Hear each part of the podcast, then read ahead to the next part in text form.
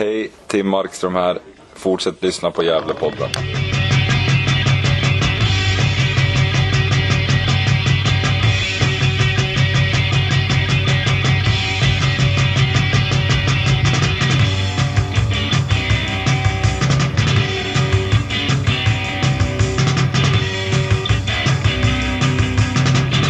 Med oss idag har vi Anders Wikström, gammal fotbollsspelare, framförallt i Gävle IF, men även i Brynäs, Elfsborg, Norrköping och Mjällby.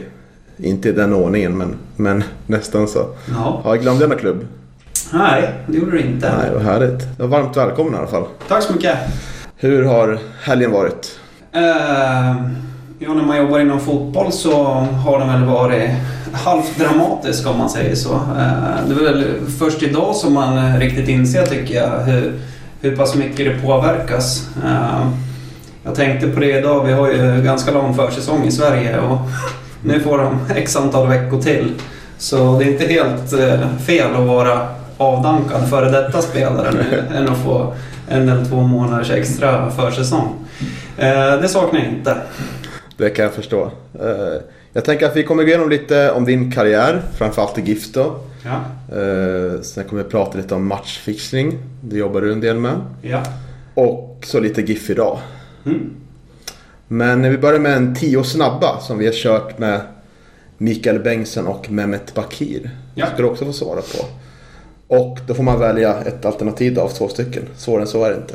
Yes. Eh, finns inget rätt och fel heller. Nej, det är ju bra. Ja. Det är bättre än i skolan. Men det finns några som är lite bättre kan jag tycka. att Ja, svara okej. på. Ja. Första då. Konstgräs eller naturgräs? Nej, men jag säger naturgräs ändå. Jag skulle ju vilja att det gick att spela på natur. Ehm, jag helgarderar och säger hybrid då. Mm, just det. Mm. Pelle Olsson eller Poya Ashbagi? Jag har inte haft Poja så jag kan inte säga någonting om honom. Eh, mer än mina intryck. Ehm, ja, jag hade bra samarbete med Pelle så jag måste säga Pelle såklart. När vet du, han var på tal på att komma tillbaka, Pelle Olsson. Hur, hur stod det då? Var det, var det att liksom att nej, vi borde ta tillbaka Pelle?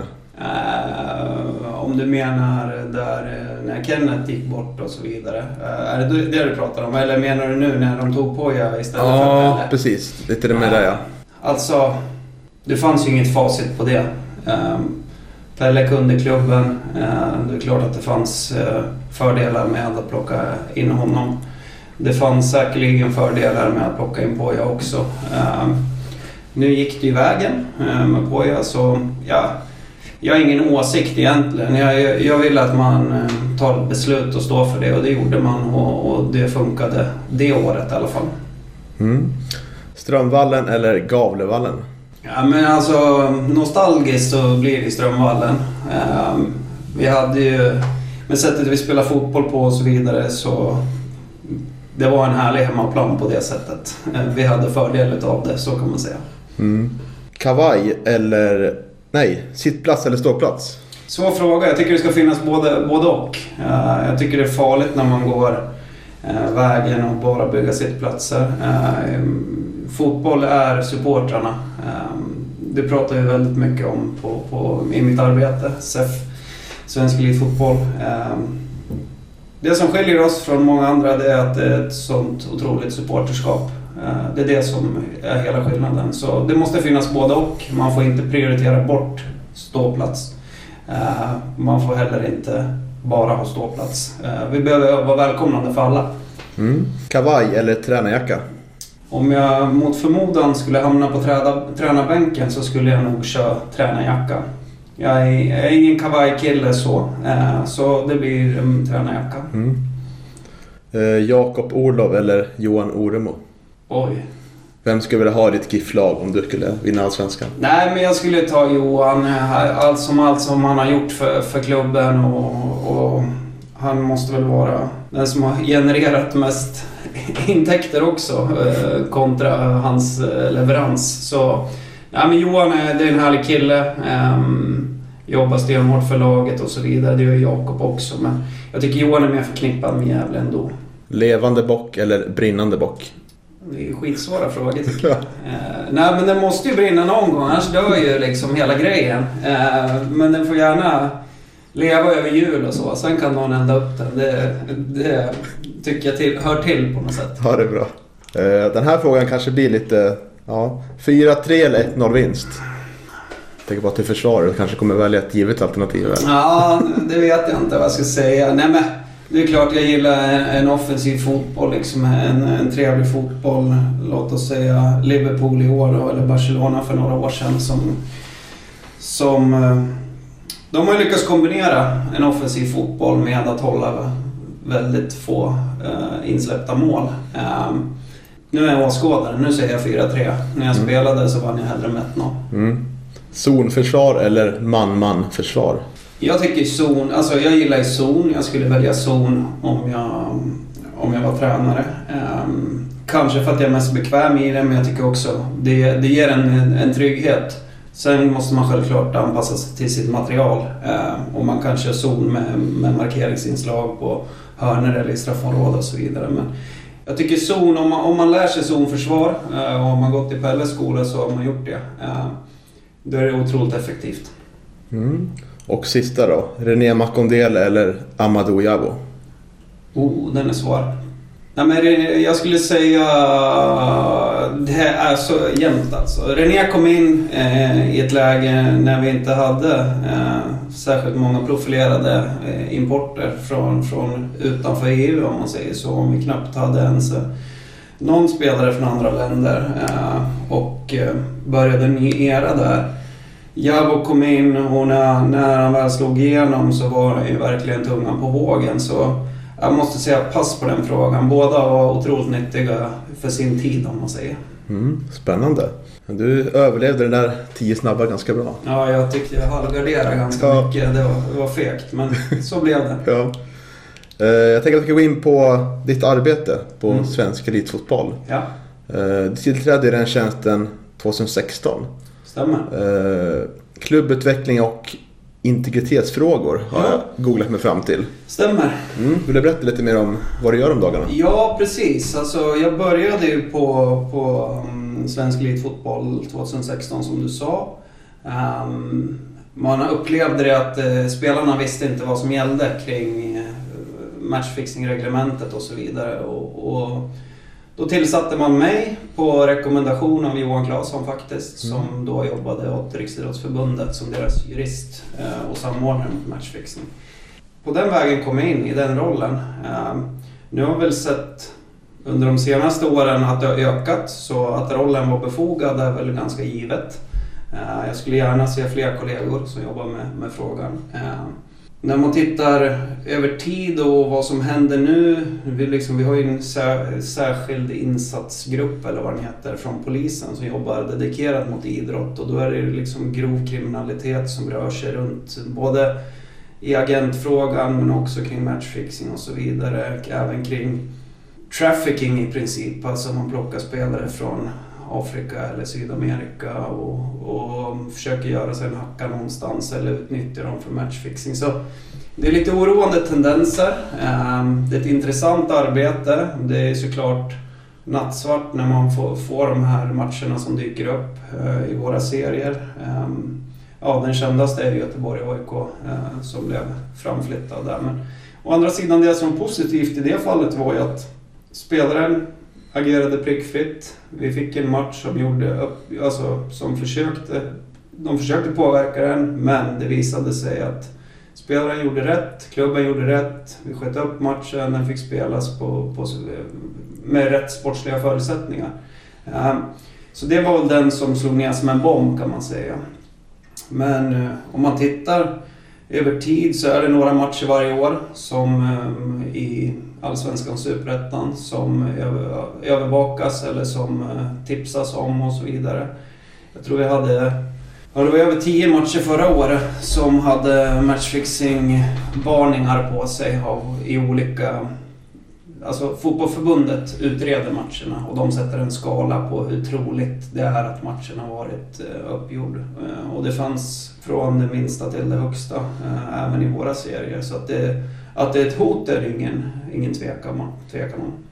Vad Finns det så här, några tendenser man kan se från, från fall till fall? Vad är det som gör att man just kommer till den, den spelaren och försöker påverka? Nej, men, Eller laget. Alltså, man måste skilja, det finns ju två olika typer skulle jag säga om man ska generalisera. Den ena är ju de personer som är i ett spelmissbruk eller fast i de kriminellas händer som, som liksom blir tvingade mer eller mindre att göra det.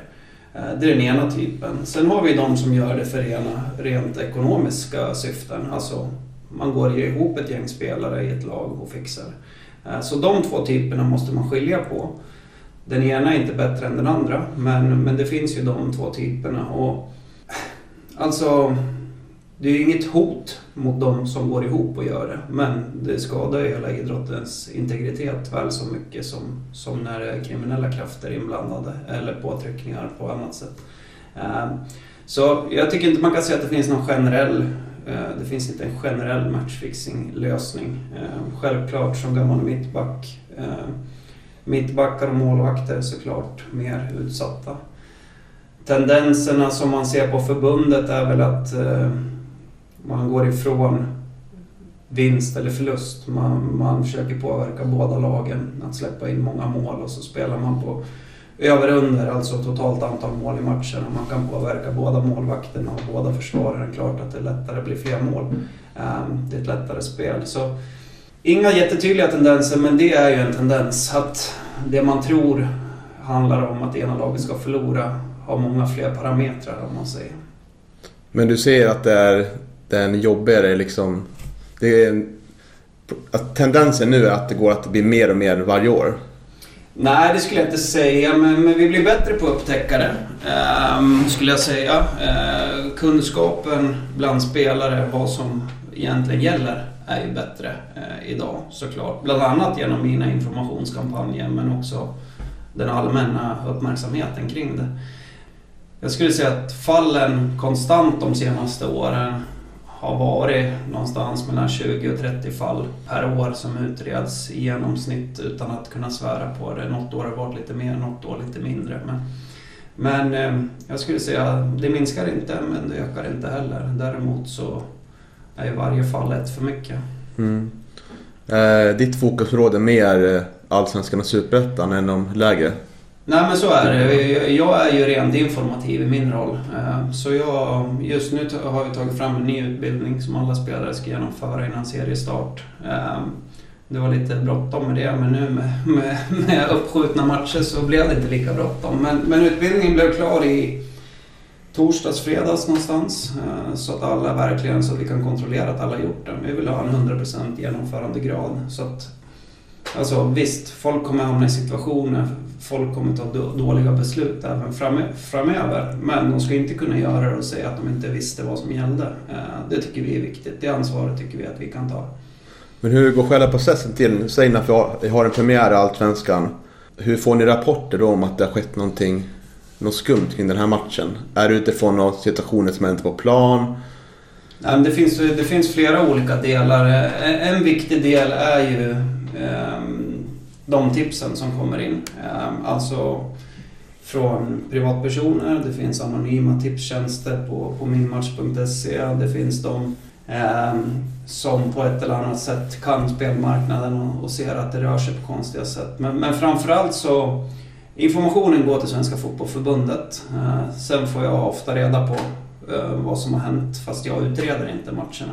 Ehm, men det viktigaste, den absolut viktigaste är ju oddsrörelserna. När oddsen förändras åt fel håll så är ju systemen väldigt bra på att upptäcka det. Det finns, eh, det finns flera olika övervakningstjänster som övervakar i princip alla bolag i hela världen. Och så slår man ihop potterna och så ser man vad som händer. Ehm, Sportradar har vi ett företag som, som ganska snabbt eh, skickar ett mejl till fotbollförbundet och säger här rör sig oddsen konstigt. Alltså all, ofta tätt in på match eller i samband med match eller strax efter match.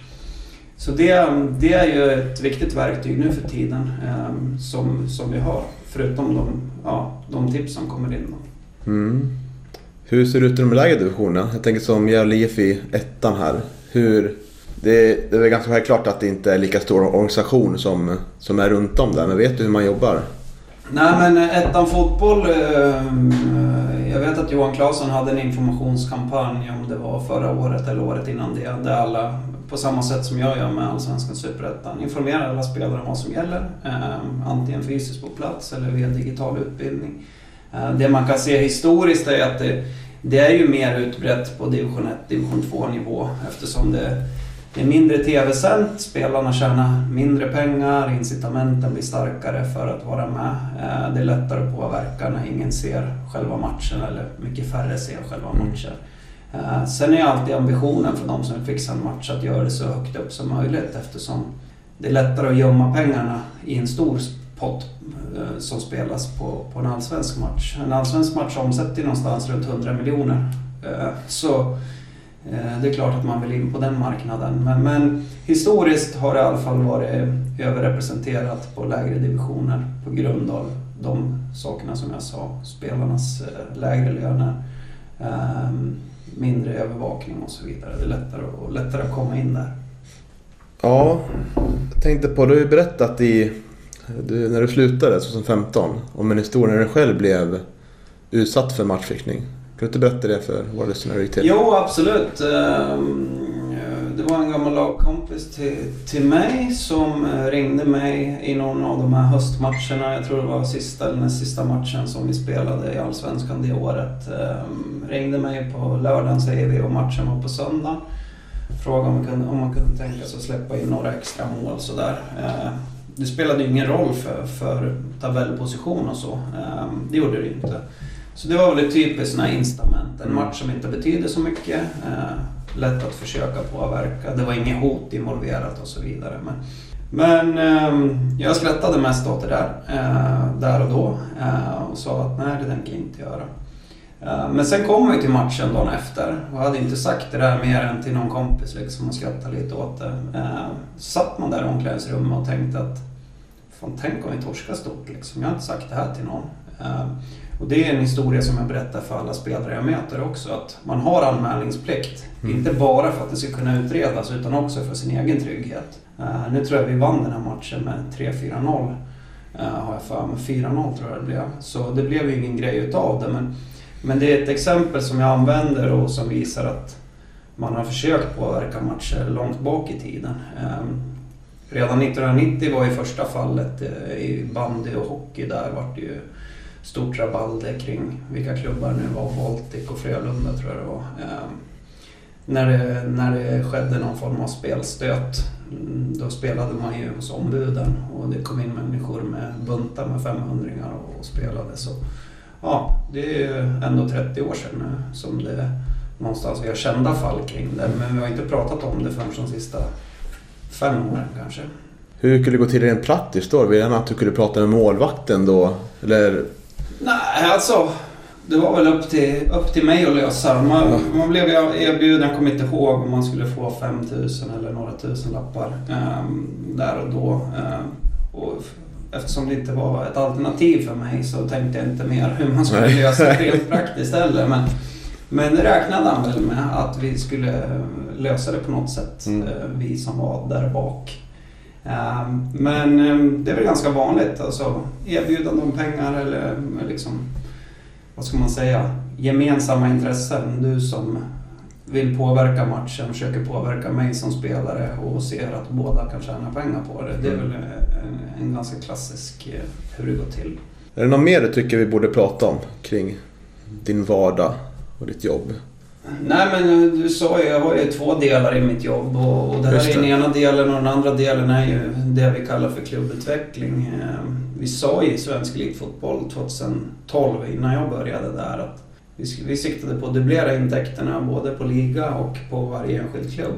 Eh, Och det kan man väl krasst konstatera att det, det har ju vi på central nivå gjort. Mycket med hjälp av klubbarnas vågade och modiga beslut kring digitalisering och så vidare. Men klubbarna generellt har inte, är inte i närheten av att dubblera sina intäkter. Ehm, och till syvende och sist, om vi vill vara konkurrenskraftiga i Europa så behöver vi mer pengar. För hur tråkigt det än är så pengar och sportslig framgång har en stark korrelation. Vad tycker klubbarna är den största utmaningen i det där? Eh, jag skulle säga att man tycker att den största utmaningen är just den här digitaliseringsprocessen. Ur mitt perspektiv är det ganska, ganska självklart vad som behöver förändras. Ehm, med det sagt inte att det är enkelt att förändra. Men, men den svenska modellen kring bedriva sportslig verksamhet innan det började bli kommersiellt överhuvudtaget. Det var ju, man gick till sina sponsorer lokalt som sponsrade med hjärtat. Man tog de pengarna man stoppade i spelartruppen och hoppades att de skulle leverera sportsligt och om de gjorde det skulle publiken komma. Det är den gamla historiska svenska ideella modellen kring hur man bygger en idrottsverksamhet. Nu är vi någon form av hybrid mellan ideell förening och hyperkommersiella och ska försöka anpassa det där till, till eh, verkligheten. För vi konkurrerar ju inte bara med andra idrotter, vi konkurrerar med alla upplevelser. Bio, konserter, you name it liksom. Eh, så egentligen det vi behöver göra nu, det är, alltså om ett produktföretag ska starta upp så ja, bygg varumärke, igenkänning, jobba med konsumenterna, alltså supportrarna i vårat fall.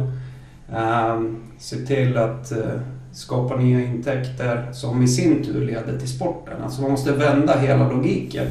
Uh, och det ser jag som den största utmaningen. För det är inte alldeles enkelt. De allra flesta klubbar i Sverige och egentligen internationellt också. Man lever i en verklighet där man gör väldigt mycket bra och man jobbar väldigt hårt. Man skulle bara behöva dubblera sin organisation. Mm. Um, och när det står i valet mellan att värva en ny högerback, som jag brukar säga, eh, från Norge eller att anställa någon på kontoret för långsiktig framgång, så väljer man spelaren. Eh, man skulle behöva bygga organisation på ett helt annat sätt, skulle jag vilja påstå. Mm. Finns det några som sticker ut, tycker du? Nej men visst gör det det. Det finns de som verkligen sticker ut. Och, och man kan, jag skulle vilja ta två exempel. Malmö är ju ett typexempel. Eh, för 20 år sedan spelade man Superettan. Mm. Eh, det är inte alla som tänker på det. Eh, och hade inte alls samma framgång som man har fått de senaste åren. Men man valde en tydlig strategi. Idag är man, ja, hur många kan man vara på kontoret? 40-50 personer kanske. Man valde en identitet, man valde en väg framåt, man har jobbat hårt med det sedan den dagen. Man hade kontinuitet på ordförandeposten. Ehm, man hade en tydlig väg framåt. Och det tycker jag, det är det som visar sig här och nu. Visst, det är klart att det hjälper till att man går till Champions League två år, 14-15. Men redan innan det var man en maktfaktor i svensk fotboll.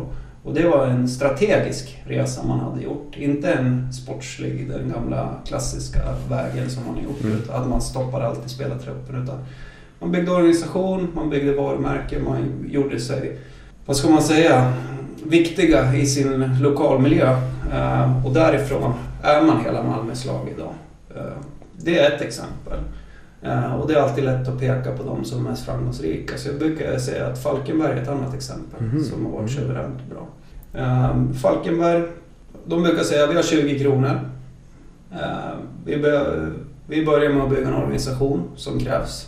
Sen stoppar vi resten i, i spelartruppen och sen ska vi ha någon krona över den logiken, om, om man kunde bedriva bara idrottsverksamhet med den logiken skulle vi komma långt. Ehm, det finns en historia av att, man är väldigt risktagande när det kommer till idrott. Ehm, jag tycker företagsledare som sitter i en idrottsstyrelse tar mycket tuffare beslut i idrotten eh, än vad man gör i, i sitt näringslivsföretag, vilket är helt fascinerande för mig. Men det finns ju någonstans det här med sportslig framgång. Alla vill vara med och sola sig i glansen någonstans. Så om vi, om vi bara lyckas eh, bygga bättre organisationer med tydligare strategier och så vidare. Om klubbarna lyckas med det. Eh, då kommer man vara framgångsrika över tid. Det är jag helt övertygad om. Men om man går in på Falkenberg då, som är lite mm. mer oväntat mm. svar. Vad har med sin organisation som inte de andra, som Mjällby exempelvis, som bara kan ta samma storlek liksom. Mm. Vad, vad är det för specifikt man har? Nej men det är samma sak där. Det finns en kontinuitet eh, först och främst. Både på klubbchefsnivå. Patrik har suttit där i tio år. Eh, man har haft samma ordförande fram till nu då, som, som eh, när han avgår. Eh, pensionerar sig ska man väl säga. Eh, man eh, har en tydlig strategi. Eh, det är en av de klubbarna som de kommer inte satsa ihjäl sig för att vara kvar i Allsvenskan. Utan de lever efter en, ja, de har sin budget, de lever efter den. De, de, de värderar den sunt. Så de, de tar inga risker. Och åker de ur, då åker de ur. Går de upp så går de upp. De är där någonstans och vill ta och bli etablerade i Allsvenskan såklart. Men de gör det på ett väldigt sunt sätt, vilket jag saknar i vissa fall. Där man, där man verkligen riskerar eh, klubbens överlevnad till exempel för att stanna i Allsvenskan eller stanna i Superettan. Och det...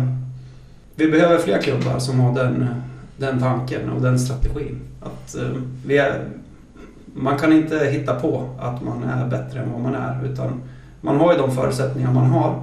Sen kan man riska väldigt mycket och hoppas att det går bra.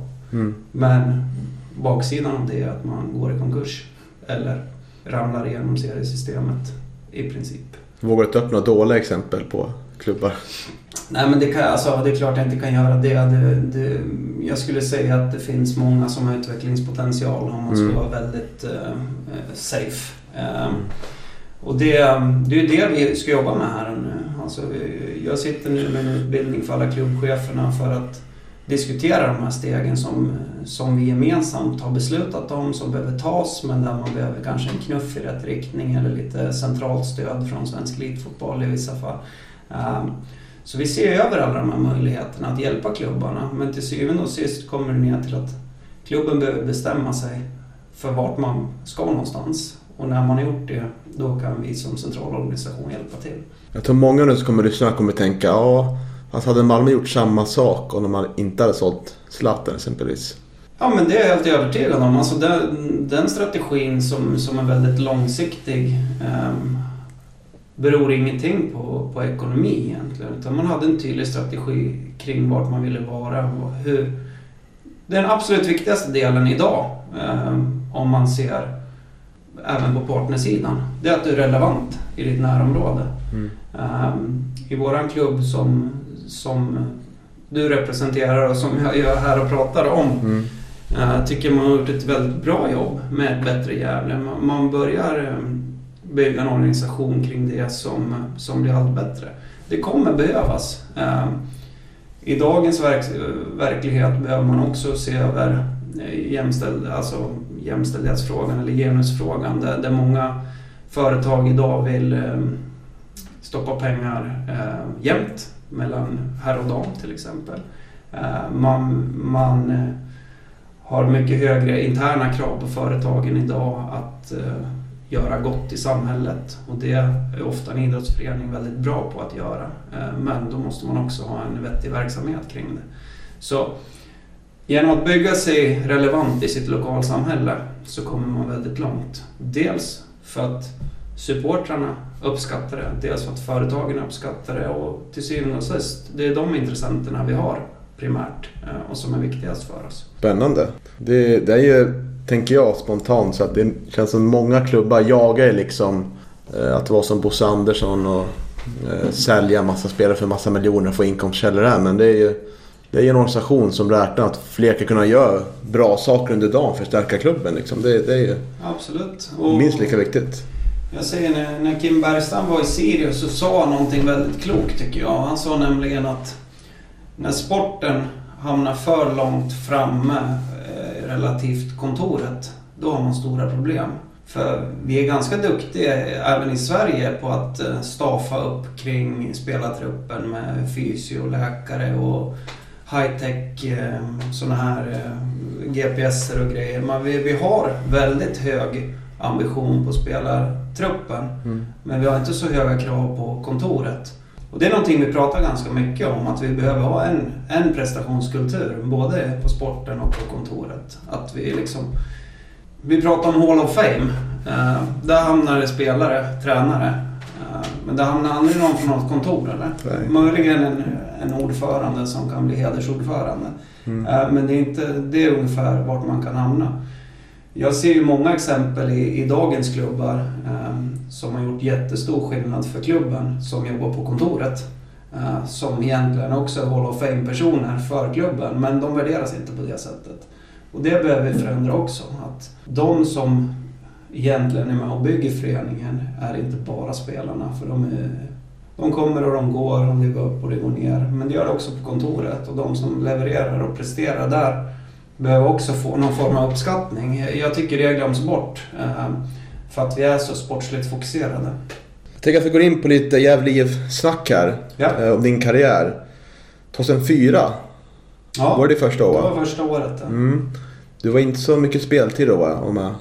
Nej, jag... Tuff konkurrens där. Jag tror knappt att jag startade. Jag startade nog en match eller kanske två. eh, Och kanske någon cupmatch. Men jag hoppade väl in i ett helt gäng matcher som jag minns det själv i alla fall.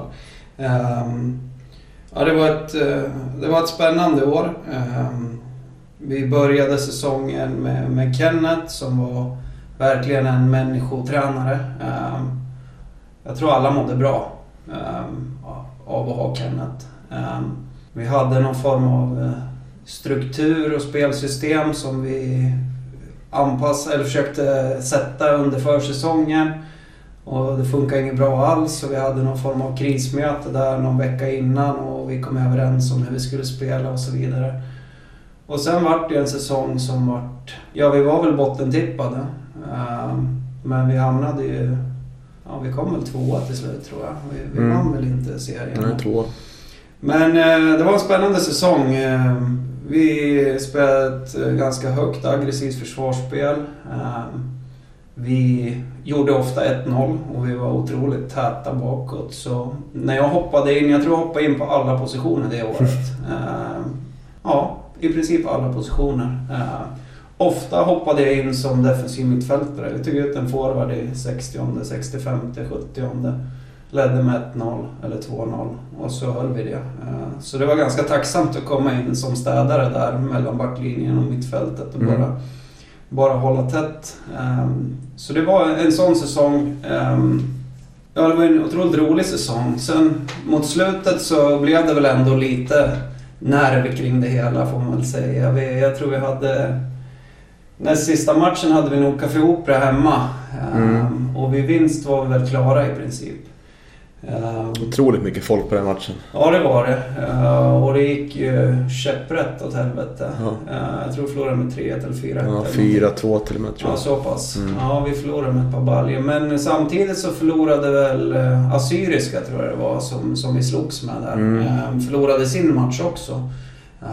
Så inför sista matchen mot Frölunda borta hade vi ju då, så hade vi väl tre poäng och massor med plusmål. Så att det var 10 plusmål till godo. Mm.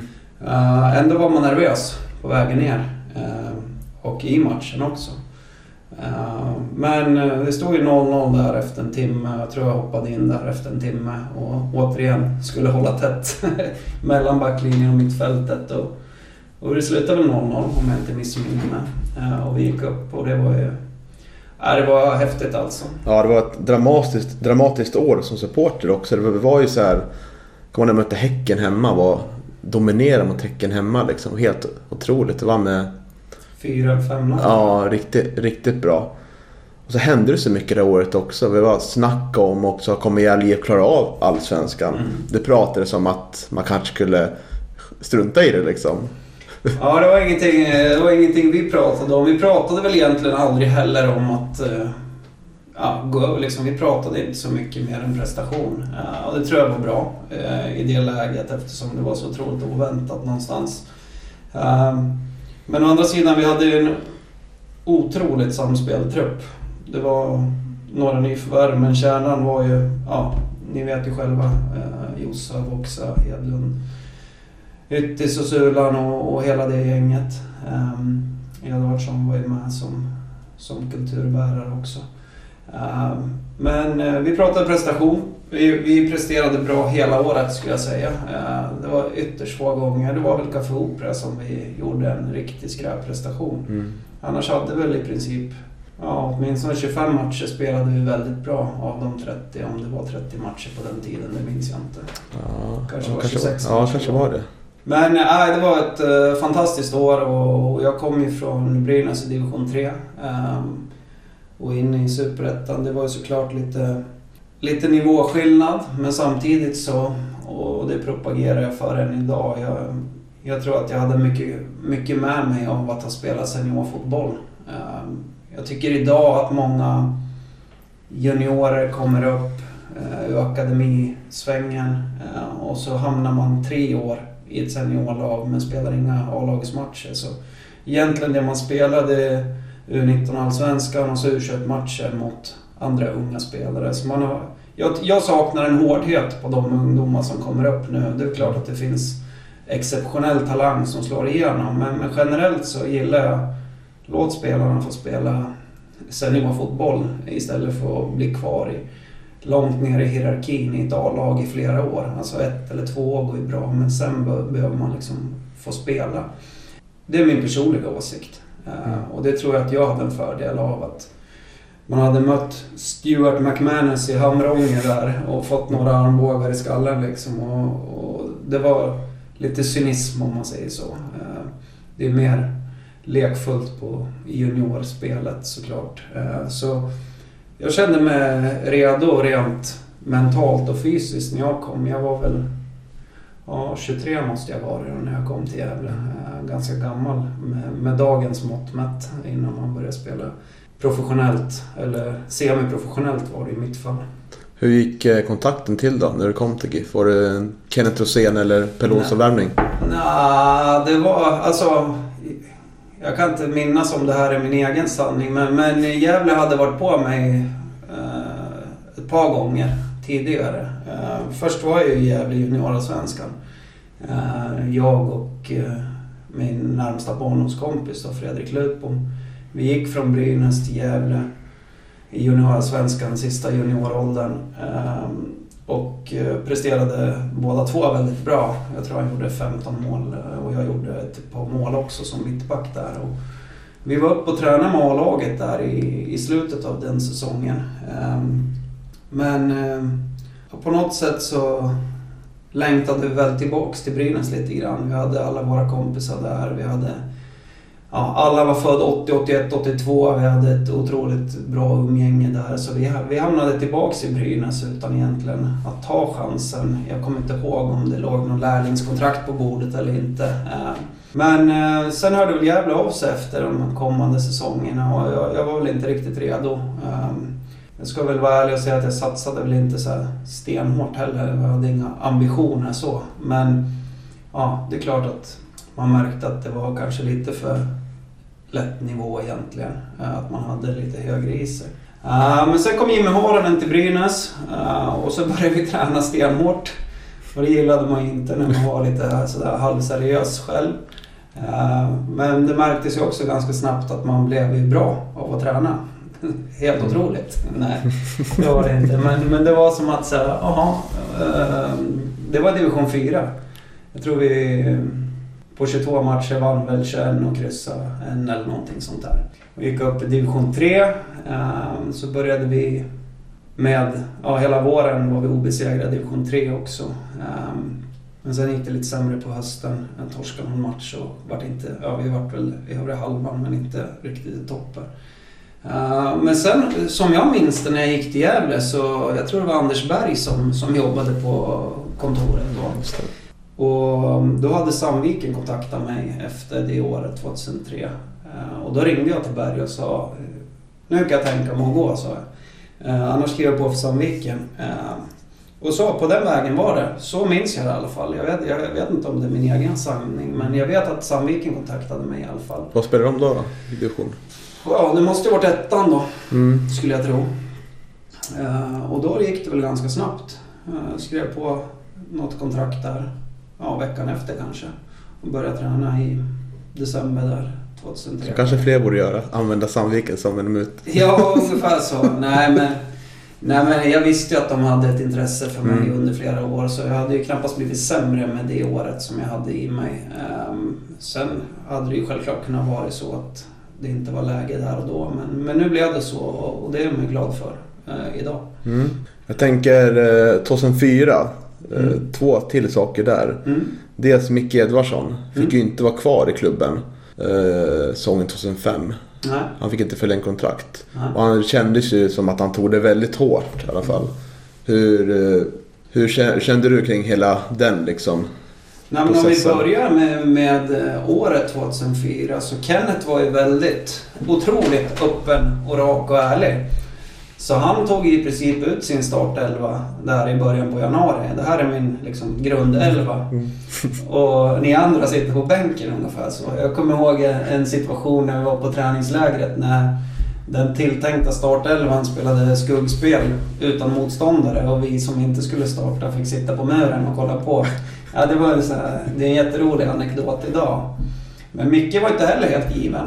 Ehm, det var jag och Micke och några till som liksom var de som var näst på tur efter den tilltänkta startelvan. Så, nej men Micke spelade inte hela det året utan han hoppade väl in i varje match. Det var väl vi två och någon till som hoppade in i princip varje match. Sen när säsongen tog slut, ja det vet vi alla eh, att eh, Kenneth var sjuk Mm. eh, och gick bort.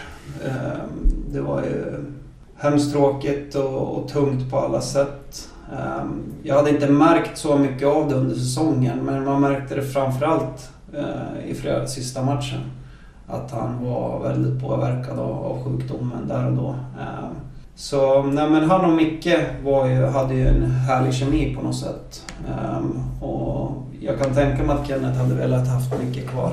Men jag vet inte alls hur de diskussionerna gick så det är svårt för mig att uttala mig om. Men däremot var ju var och är ju mycket en härlig karaktär. Liksom en, en, en äkta lagspelare och, och hela den biten. Så, äh, jag kan inte uttala mig för jag vet inte hur, hur diskussionen gick där och då.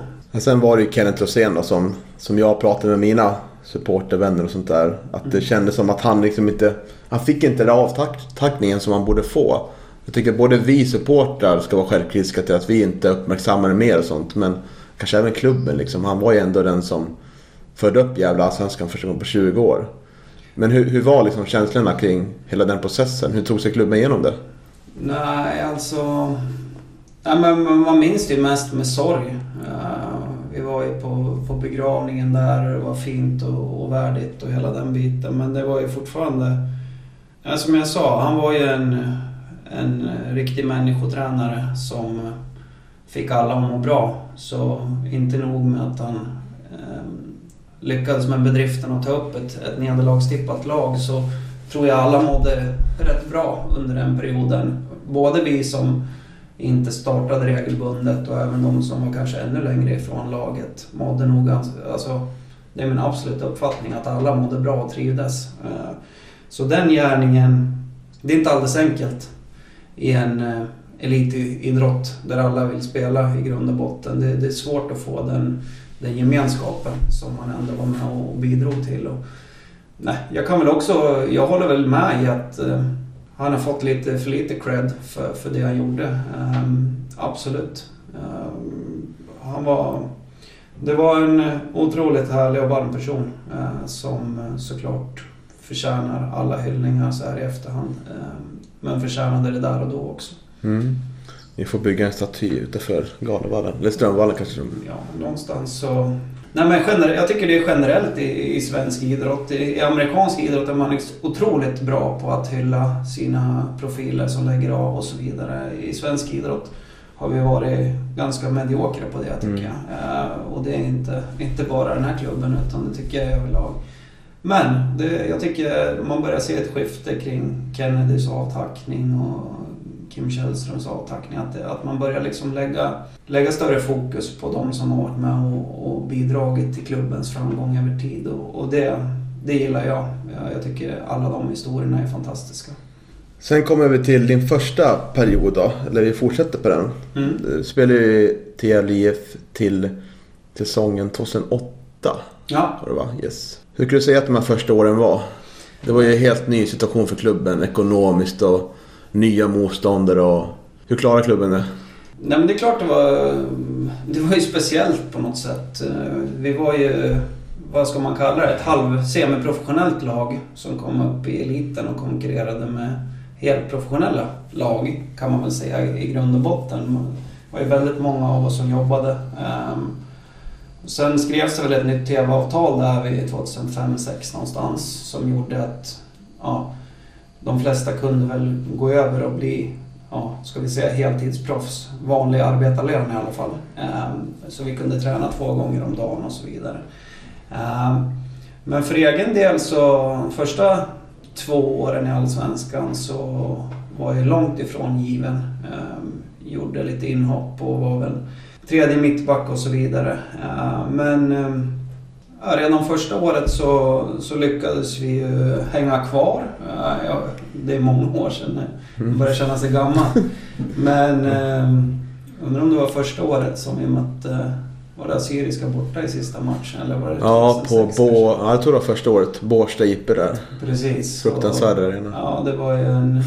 Det var nervöst kan man milt sagt säga. Men, men det ordnade sig. Och sen tycker jag vi blev bättre år för år skulle jag säga. Ehm, under den här perioden. Ehm, återigen eh, såklart defensivt balanserat. ehm, fördel av Ström, Strömvallens smala och studsiga plan. med det sättet vi spelade men också utifrån vilka vi mötte. Jag såg Atletico Madrid möta Liverpool både hemma och borta. Handla spelare för två miljarder och, och försvara runt straffområdet. Så det är inget fult med det tycker jag. Eh, när man möter lag som har större budget och som är kanske individuellt skickligare så får man eh, prioritera någonstans.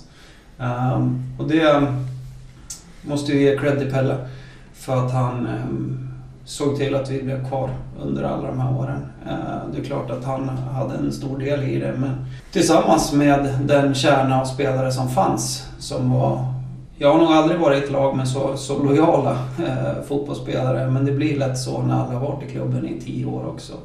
Eh, man eh, socialiserades in i det på något sätt, upplevde jag. Eh, att vi, alltså, vi kunde vara underlägsna i matcher och så vidare men arbetsinsatsen, det behövde inte ens prata om. För arbetsinsatsen var i princip felfri i varje Mm. match. Eh, och det, det är ju en otrolig styrka när man, när man är där. Så att det inte är en issue. För det, det finns ju de ställen där det är problem eh, Mm. med arbetsinsatsen. Eh, Man tar, tar det för enkelt och det kan man inte säga att vi gjorde. Så det är väl för egen del 2005 och 2006 eh, mest som inhoppare. Eh, 7-8 spelade jag väl mer eller mindre regelbundet. Eh, och gjorde väl två ganska bra säsonger. Framförallt två bra höstar gjorde jag där. Vad finns det att säga om de som gjorde att du inte fick spela? Jag tänker på Hedlund och... eh, Magnus Wikström. Ja, precis. Robert var aldrig med upp till Allsvenskan. Nej, det var han nog inte. Ehm, nej men, ja, så här. Hedlund och Magnus Wikström, fantastiska människor först och främst. Uh, otroligt duktiga mittbackar med det, det sättet att spela på som vi gjorde. Det fanns inte en enda gång som jag kände att nej, de här, liksom, nu, ska, nu, nu borde jag in. Mm. För de var otroligt solida. Eh, De gjorde ett gediget dagsverke. De var bra allsvenska mittbackar helt enkelt. Eh, så det fanns inte så mycket att, att, att göra. Det är klart att man kände sig i kanonform där eh, under de här två åren när man kände att ja, man skulle ju inte göra bort sig i alla fall. Men samtidigt som tränare förstår jag Pelle. Eh, varför ändra på ett, ett, ett vinnande koncept om man säger så. så nej men, fantastiska fotbollsspelare och eh, kanske ännu bättre människor. Så, um, det var bara att bida sin tid helt enkelt. Mm. Mycket lärorika tips kanske också. Jo men absolut, de hade ju erfarenhet av eh, Hedlund av alla olika seriesystem från tvåan upp till allsvenskan. Eh, otrolig erfarenhet. Ehm, Magnus som eh, kom han från forward eller? Mm, inte- kommer tror inte det. Ja, men med Örebro-koppling där och, och... Nej men båda de var ju klart längre än vad jag var och, och egentligen otroligt starka i försvarsspelet, huvudspelet. Magnus hade ju också en bra uppspelsfot. Ehm, Så det är klart, när man kommer ganska ny så lär man sig mycket av, av de erfarenhet. Det är, inget, det är inget snack om den saken. Och sen 2008, då kom Elfsborg Mm. och hörde av sig. Hur gick den processen till? Eh, ja, efter, jag tror det var efter 2007 så hörde Hammarby av sig och jag var där och träffade dem. Eh, kändes inte helt rätt eller som att de eh, värderade mig som en starter eh, riktigt. Att de ville bredda sin trupp med mig och det tyckte inte jag var så intressant. Då hade jag det bra där jag var. Mm. Ehm, efter 2008 så var det väl samma. Hammarby hörde av sig eh, ganska tidigt. Och undrar om det var Tony Gustafsson som var tränare då. Jag hade ju både mött honom när han var i Ytterhogdal som spelande tränare. Så vi hade lite, eller han hade väl koll på mig sedan den tiden. Ehm, från division 3-tiden. Ehm, så jag var och träffade dem. Ehm, ganska snabbt därefter så ringde Elfsborg. Ehm, Haglund ringde och pratade om hur han såg på saker och ting. Och ganska snabbt därefter så var vi ner eh, till Borås. Jag och familjen. Vi hade precis fått en, en dotter då eh, och fru, frugan var med. Eh, och det var egentligen bara för att bekanta mig med föreningen och klubben. Men det gick ganska snabbt där nere. Att vi, började, vi pratade kontrakt och allting kändes jättebra.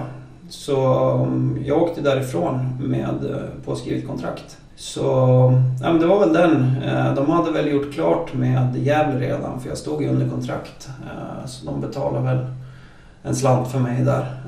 Någon miljon om jag inte missminner mig. Ehm, och det kändes också bra att Gävle där man hade fått chansen att visa upp sig också fick betalt för en som spelare. Det hade de inte fått om jag hade gått 2007.